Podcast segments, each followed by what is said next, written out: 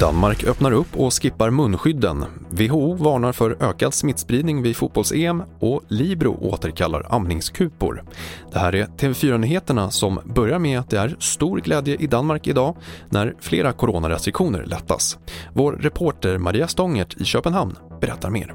Ikväll så får restaurangerna öppet ända fram till midnatt här.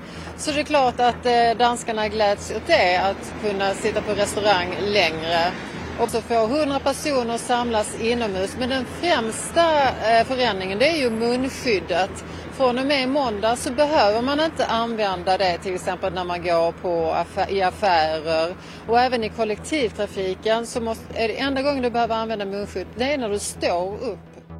Men samtidigt är Danmark nu det EU-land som har högst smittspridning och redovisar flest antal nya covid-19-fall per 100 000 invånare de senaste två veckorna enligt EUs smittskyddsenhet ECDC.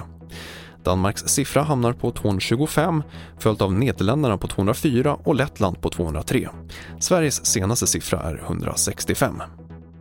Nu går Världshälsoorganisationen WHO ut och varnar för att fotbolls-EM kan leda till en ökad smittspridning i Europa.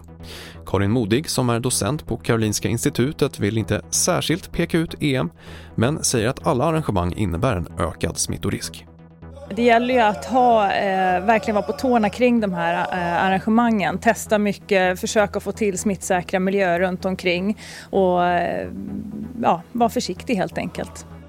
Libro återkallar amningskuporna nursing pads på grund av kvalitets och säkerhetsproblem. Limmet som fäster amningskupan på insidan av bhn har visat sig kunna bilda små klumpar och lossna. Det är ofarligt för barnet att svälja klumparna men om de hamnar i luftvägarna kan det bli farligt. Kunder som köpt amningskuporna uppmanas att inte använda dem utan kontakta Libro för reklamation. Det får avsluta TV4-nyheterna. Jag heter Henrik Sell.